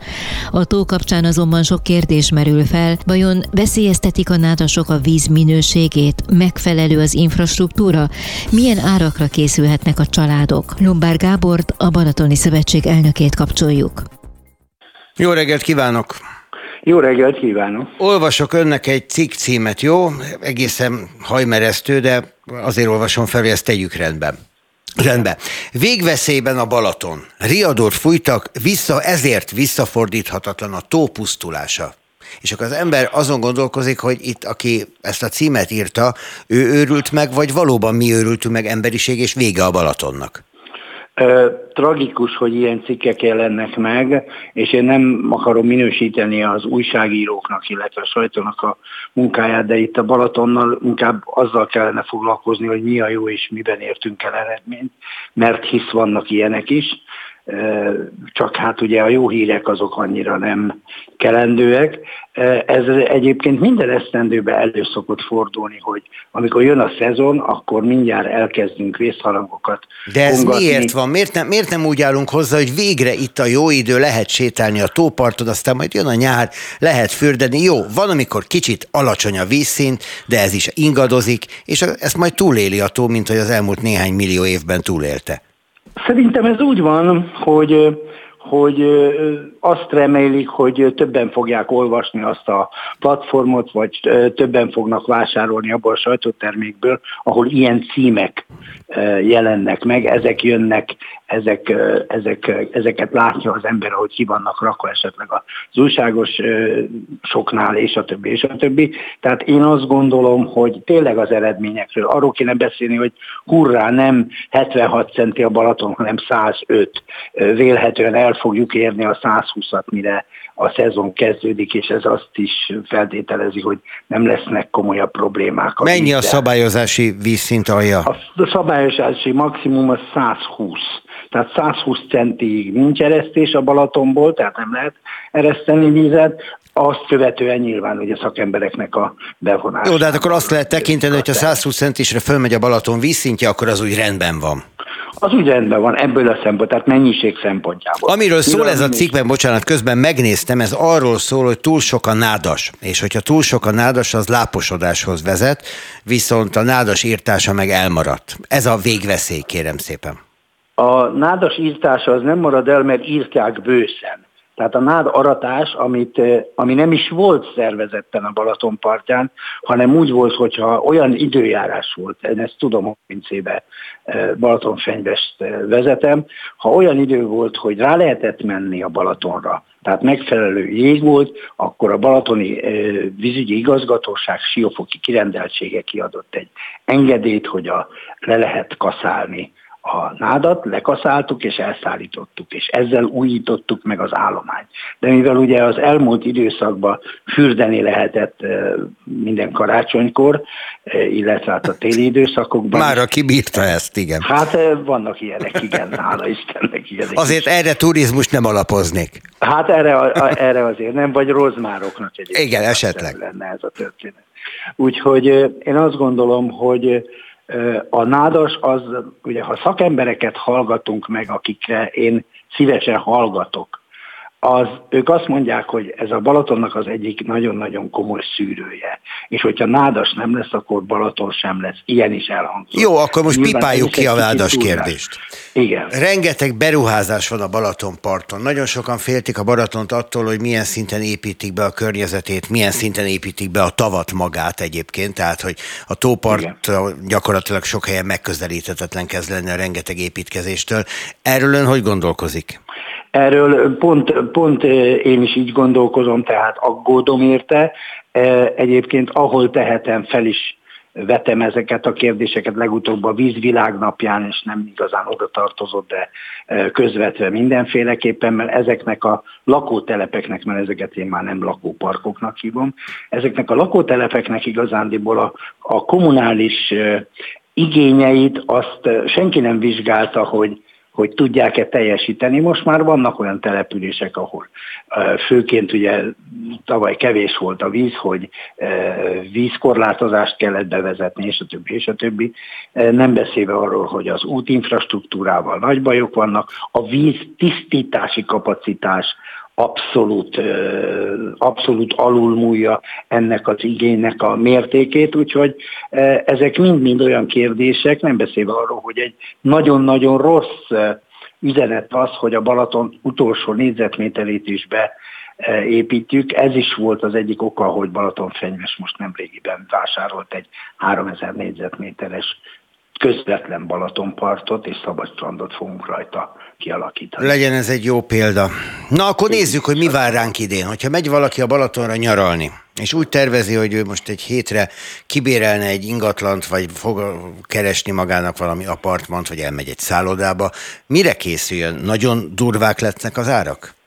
Hát vélhetően igen, még ilyen jellegű konkrét adatok nem állnak a rendelkezésemre, de én azt gondolom, hogy egyértelmű, hisz minden drágult. Drágább lett az életünk, drágább lett az lettek az üzletek, és minden mindent, nem beszélek itt a, az energiahordozóknak a, a, a árának az alakulásáról. Meg a munkaerő Tehát, és a munkaerő hiány munkaerő, is annak az ára, hogyha valaki oda megy. Igen. És a többi, és a többi. Tehát itt azért vannak olyan kérdések, amik a vállalkozókban is felvetődnek, hisz ilyenekről már beszéltünk, hogy hogy is tudják ők azt a, azt a megfelelő hogy is mondjam, tudású szakember gárdát biztosítani, bár nem akarok senkit bántani, de a Balatonnál mondjuk a vendéglátásban nem igazán a, a kiszolgálók esetében a szakmaiság volt az elsődleges, örültek annak, hogyha valaki odament, és itt nem a vállalkozókat szeretném bántani, hanem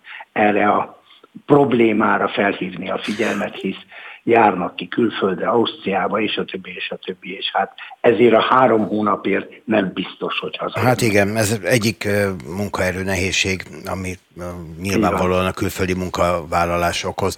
Na de, a Balaton kapcsán mindig a lángos. A 60-as, 70-es évek óta a lángosok ára, a lángosok minősége, a lángos sütők léte, az egy alapvető kérdés. Itt most olyan árakról szólnak a cikkek, amik egészen döbbenetesek, tehát 1900-2000 forintos sajtos tejfölös lángos ár, és ezer alatt a sima lángos se lesz.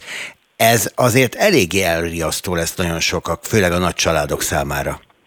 Én azt gondolom, de legyen türelme, aki esetleg lángost akar enni, és nem azt mondom, hogy, hogy órákra, napokra, de nézzen körül, mert ez is változó, tehát ez sem teljesen fekete vagy fehér, és nem csak 2000 forintos lángosok léteznek a Balatonnál.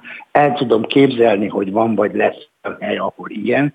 Ugye mi, mint szövetség, egy érdekképviseleti önkormányzati szövetség vagyunk, és beleszólni nem tudunk, csak ajánlást tudunk megfogalmazni.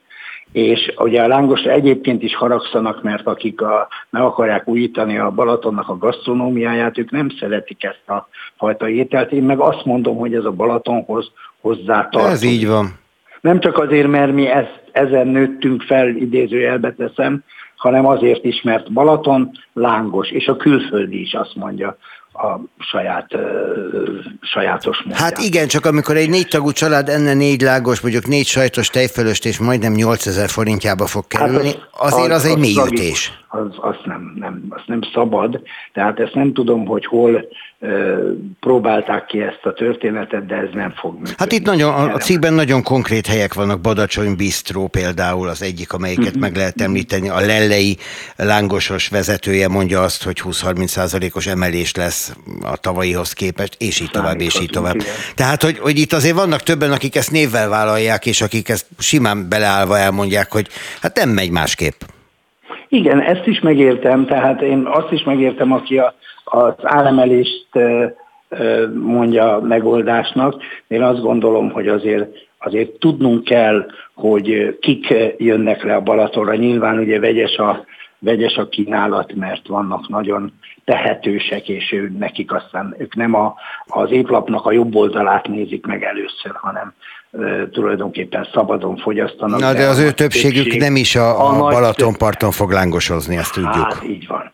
A nagy többség viszont szerényebb lehetőségekkel bír, és hát én azt gondolom, hogy ő rájuk is kell gondolnunk, és ő nekik is kell biztosítani olyan, olyan minőséget és olyan árakon, ami, ami fogyasztható. Na a végére mondjunk valami jót, milyen a Balaton vízminősége volt mostanában ezügyben mérés, milyen adataik vannak? Mérés még nem indult el, de a Balaton vízminősége ugye ezt úgy képzeljük, mintha van egy edénybe félig van vízzel, vagy háromnegyed részig, ugye nyilván akkor tisztább, hogyha minél több víz van, sok víz érkezett hozzánk a vízgyűjtő területről, ugye a csapadékok okán. Nyilván ennek megvan a maga előnye, de van hátránya is, mert tartunk esetleg attól, hogy az algavirágzásnak a, az anyagát, tehát azokat az anyagokat, amik től az bekövetkezik, ilyenkor mosódik be a Balatonba. Hát remélem, hogy a limnológia és a különféle kutatócsoportok ezt árgus szemekkel figyelnek. Hát nyilván ez majd a hőmérséklettől is függ, hiszen Így tudjuk, van. hogyha nagyon magas a hőmérséklet, akkor jobban szaporodnak az algák. Magas hőmérsékletben, de megfelelően magasban bízunk, és jó nyarat kívánunk a Balatonparton élőknek, dolgozóknak, és nekünk, akik oda járnánk nyaralni. Szintúgy. Én is azt kívánom, és jöjjenek a Balatonra. Köszönöm, Lombár Gábor, a Balatoni Szövetség elnökét hallották. Spirit FM 92.9 A nagyváros hangja. Akár 1 millió 450 ezer forintba is kerülhet egy egyetemi fél év. Székács Lindával, az eduline.hu szerkesztőjével beszélgetünk a következő percekben arról, hogy miként készülhetnek az egyetemre a diákok. Erre az összegre, vagy valami hasonlóra mondta nekem múltkor valaki, hogy ennyiből külföldre is el tud menni, és akkor anyanyelvi szinten megtanulhat egy olyan nyelvet, amin oktat, amin beszél, amin akár dolgozik. Jó reggelt kívánok! Jó reggelt kívánok, üdvözlöm a hallgatókat! Ezek hajmeresztő összegek. Hát azért azt hozzá kell tennünk, hogy nem minden egyetemi képzés kerül 1 millió 450 ezer forintba, ez csak az állatorvosi képzésnek az összege, és egyébként a műszaki, a bölcsész, az informatikai képzések, meg ezek a népszerű gazdasági képzések olyan 225 és 350 ezer forint között mozognak. A gazdasági képzések ennél drágábbak, ezeknél történt az elmúlt időszakban egy kis áremelkedés, azok olyan 40-50 ezer forinttal lettek drágábbak, így a budapesti egyetemeken jelen pillanatban olyan 280 és 550 ezer forint per fél éves tandíja lehet tanulni. Hát azért az se kevés. Nem, nem kevés, viszont a vidéki egyetemeknek ennél valószínűleg, vagy hát többnyire jóval kedvezőbbek az árai, ott olyan 225 és 300 ezer forint között mozognak a fél éveknek a tandíjai. Tudom, hogy ez nem öndönti el, tehát nem számon kérve kérdezem, csak úgy érdeklődve, hogy mi kerül az állatorvosi képzésen 15 millió 950 ezer forintba, ha 11 fél évet számoljuk, mert hogy ha ezt jól végig gondoljuk, ez azért kevesebb, ha nem is sokkal, mint mondjuk az, az emberorvoslás, tehát a, a humán orvosi szak ára. Tehát valami egész furcsa dolog történik itt. Mivel nem járok állatorvosi képzésre, és nem is jártam, ezért sajnos nem tudom megmondani, hogy mi kerül benne ennyibe. Valószínűleg az, hogy azért itt egy nagyon minőségi oktatás zajlik, mint ahogy az orvosi képzéseken is, rengeteg gyakorlattal jár, és lehet, hogy ezeknek a telephelyeknek, ahol a diákok végzik a, a gyakorlatukat, többe kerül a bérleti díja, meg hát ugye el kell látni az állatokat, drágák a gyógyszerek, drágák a felszerelések, amikkel ők dolgoznak és tanulnak, így valószínűleg ez kerül ennyibe a tandíjban. Azt ilyenkor kiszámolják a családok, amikor eldöntik, hogy bármi áron, hogy mennyi idő alatt és hogyan fog visszajönni ennek a képzésnek az ára? Számít ez? Nagy valószínűséggel kiszámolják, de azért azt is hozzá kell tennünk, hogy nagyon ritka az, hogy valaki bevállalja azt, hogy 1 millió 450 ezer forintot fizet ki fél évente azért, hogy egy ilyen képzésen tanuljon. Ugye az itt tanulók többsége, meg úgy általánosságban az egyetemisták többsége ugye az állami ösztöndíjas férőhelyeket pályázza meg, és tulajdonképpen csak a gazdasági szakokon van az, hogy bármi áron ö, szeretnének ott tanulni, ezek a legnépszerűbb képzések. Természetesen ugye más alapszakokon is vannak, akik önköltségesen végzik el a képzésüket, de azért azt, azt gondolnám, hogy elég ritka hogy az egy millió forinti 1 millió forint fölötti összegeket ki tudják fizetni, vagy hajlandóak kifizetni a családok. Mondtam az előbb azt a mondatot, hogy hát valaki azt mondta, hogy ennyiért már külföldön is. Ez az összevetés, ez mennyire általános? Hát azért a külföldi tandíjak ennél sokkal magasabbak. De van, ahol nincs tandíj, és vannak olyan országok, ahol meg lehet pályázni tandíjmentes képzést is. Így van, vannak olyan országok, például Dánia is, ahol meg lehet pályázni tandíjmentes képzést, viszont ott a megélhetés nagyon-nagyon sokba kerül. Tehát nem mondanám azt, hogy olcsóban jön ki, vagy nagyjából ugyanabban az összegben, mint amennyire Magyarországon lehet ilyen magas tandíjak mellett, mint az állatorvosi képzésen tanulni, hiszen ezeknek az országoknak sokkal másabb az anyagi helyzetük, mint Magyarországnak, és sokkal többe kerülnek a lakások, a megélhetés úgy általánosságban, még akkor is, ha a tandíjat egyébként nem kell kifizetniük. Melyik képzésben ára ment fel a legjobban az elmúlt időszakban, hogy látja? A gazdasági szakoknak az ára emelkedett. Egyébként az a tendencia, hogy bár infláció van, nem történt drasztikus drágulás más alapszakok vagy osztatlan képzések esetében. Vidéki egyetemeken előfordult, hogy néhány bölcsészszaknak az ára olyan 10-20 ezer forinttal emelkedett, de egyébként ami általános, hogy a budapesti és a vidéki egyetemek esetében is a gazdasági szakok árai emelkedtek, vidéken olyan 20 ezer forint környékén, de van olyan budapesti egyetem, ahol egyébként 80 ezer forinttal lett magasabb a tandíj. Általánosabb az, hogy 40-50 ezer forinttal ö, emelkedett ezeknek az összege. Nagy valószínűséggel azért, mint ahogy már említettem is, hogy ezek a legnépszerűbb képzések, és itt azért nagyobb hajlandóságot mutatnak az emberek, a családok arra, hogy kifizessék a tandíj összegét, akkor is, hogyha nem sikerül állami ösztöndíjas férőhelyre bekerülni. Rémes számok jönnek arról, hogy mennyire nem mennek pedagógus szakokra a fiatalok. Van egyáltalán fizetős pedagógus szak? Van fizetős pedagógus szak, viszont szerintem azt senki nem vállalja be. Mivel ennyire népszerűtlenek a pedagógus képzések, elképzelhetetlennek tartom, hogy valaki esetleg hajlandó legyen fizetni tandíjat azért, hogy itt tanuljon nagyon alacsonyak a ponthatárok is, és éppen emiatt ugye tulajdonképpen nagyon nehéz nem állami férőhelyre bekerülni a pedagógus képzések esetében. Így aki ide jelentkezik, az azt mondanám, hogy 99,9 százalékban be fog kerülni. Ott most milyen ponthatárok vannak? Ugye voltak éppen az új szabályok szerint nem is kell, hogy legyen ponthatár. Igen, itt igazából azt a minimum ponthatárt kellett teljesíteni a korábbi években, amit meghúzott a kormány. Ez olyan 220-250 pont körül alakult, nem tudom most hirtelen megmondani.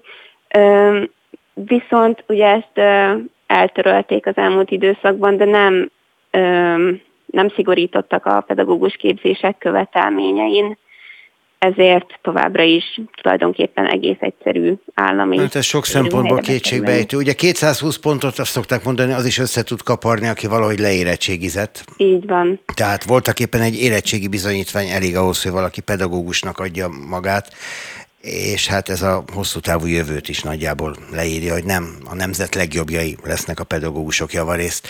Na jó, ez egy másik téma, és ez messze vezet. Nagyon szépen köszönöm, hogy a rendelkezésünkre állt, fontos információkhoz jutottunk ön által.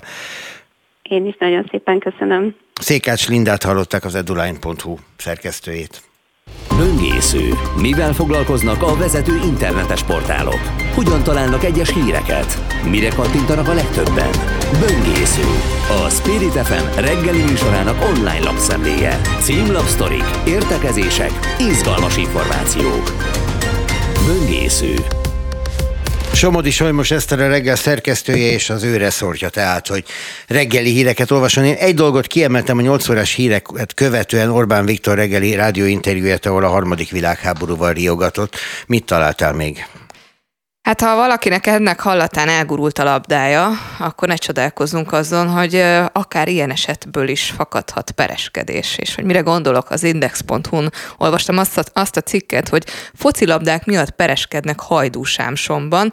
Már vádemelés is történt. Vádat emeltek egy sárándi férfi ellen, aki összeszedte a kertbe átrugott focilabdákat, és még kérésre sem adta vissza azokat a szomszédnak, ezért feljelentették. A vádlotra most vagyonelkobzást kértek, és próbál arra bocsáthatják. Hiába húzta ki hálót a kerítés fölé, folyamatosan átrepült a labda az idősnők kertjében, hogyha a szomszéd gyerekei játszottak. Egyébként az öt, labda, az öt labda értéke 70 ezer forintot ér, és a próbára bocsájtás azt jelenti, hogy egy évig halaszthatják Milyen a labdáik voltak? 2500 forintért lehet remek futballlabdát Lehet, kapni. hogy valami VB speciális kiadás aláírás. Nekem erről az jut eszembe, hogy amikor én kölcse is voltam, a gimnáziummal szemben volt egy zöldséges, annak az üvegportáját rendszeresen berúgtuk szegénynek, mert átrepült a falon, aztán az utcán a labda, és végül az ő zöldséges tandján landolt, és nem azt csinálta, hogy nem adta vissza a labdákat, hanem rakotta az üvegre egy rácsot. Uh-huh. És innentől kezdve a rácsot találtuk el, és nem az üveget.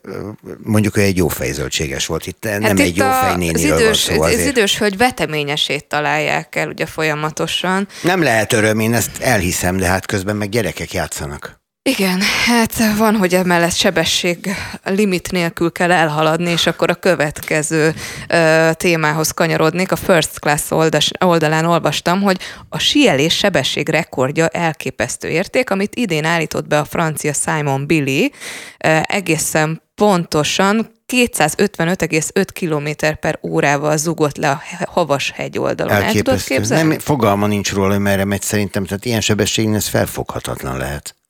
Nagyjából a lejtő fele a gyorsító szakasz, 100 méteren fenn kell tartani az ördögi sebességet, majd 400 méteren lassulni, és végül a, le, lassulni kell, és végül a legkomolyabb cél az életben maradás és a Igen. sérülések megúszása. 2016 óta nem sikerült uh, újabb rekordot beállítani, de egyébként a tudósok szerint 250-260 km per órás tartományban mozog egyébként az a, az érték, ami, ami még így elérhető, tehát a fölött már úgysem lesz a tudósok szerint mint rekord. Az van, hogy a nap legfontosabb híre nem az, hogy mit mondott Orbán Viktor, vagy amikről te beszámoltál, vagy hogy mi van a gazdasággal. A nap legfontosabb híre, hogy Marics Peti micsoda nő tud ez a... Igen, hogy van, az, hogy van a dalt? Meg, meg, meg. Na, meg igen. Szóval Marics Peti elköltözött. Úristen! Így is van. Elköltözött Tóth Anditól. Te énekelj tovább, az nekünk jó. Úristen! Most mondd meg! Igen, hát... Uh, Ezt én itt legalább öt vagy hat cikkben megtaláltam hirtelen, hogy ide kattintottam, tehát láthatóan a magyar nemzet alapvető problémája Tóth Andi és Marics Peti élete. Én annyira örülök, hogy az én magánéletemről nem cikkeznek, tehát ez engem mérhetetlenül boldogát tesz, hogy vagyok ennyire unalmas. De én szívesen mesélek róla a hallgatóknak. Semmit nem tudok róla szinte, de ez nem gátol engem abban, hogy meséljek róla. Ez a bulvár maga, nem? Figyelj, akkor hozok én is egy bulvárt neked. Túl van a nehéz időszakon nagy Melani.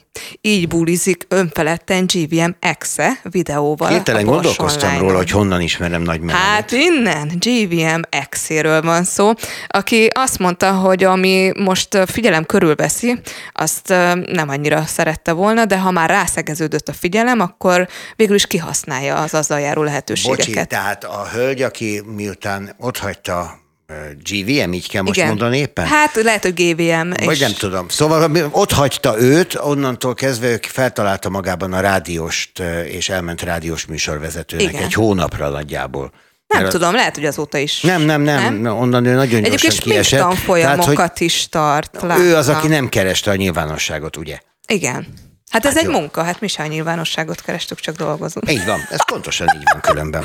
És képzeld el, hogy váltat emelt a Manhattani speciális ügyészség Donald Trump ellen, írja a CNN. Ez lesz az első alkalom az ország történetében, hogy egy korábbi elnök ellen vádat emelnek egy büntető ügyben. Mit tippelsz? Azt, hogy ez mártírt farag Donald Trumpból nagyon sok ez előny, republikánus szavazó számára. Neki. Tehát igazából megemeli független attól, hogy a végén mi az ítélet maga. Na még egy fontos hír, Gallus Niki és a barátnője is szakítottak. Őrület mi van? Igen, ráadásul ők hosszú-hosszú évekig együtt voltak. 16 évig? Tizen, 12 évig? 12 évig, így van. Hát, de miket tudsz te magadtól is? Nem tudták megoldani a problémáikat. Na ezek voltak itt a reggel hírei azokon túl, amik valóban fontosak is, amikről beszéltünk a műsorban, mert ezek közül itt, amiket emlegettünk, persze a legtöbb az igazából hát nem különösebben lényeges, de talán Ez ilyen érdekes. üdítő a végére. Így is van.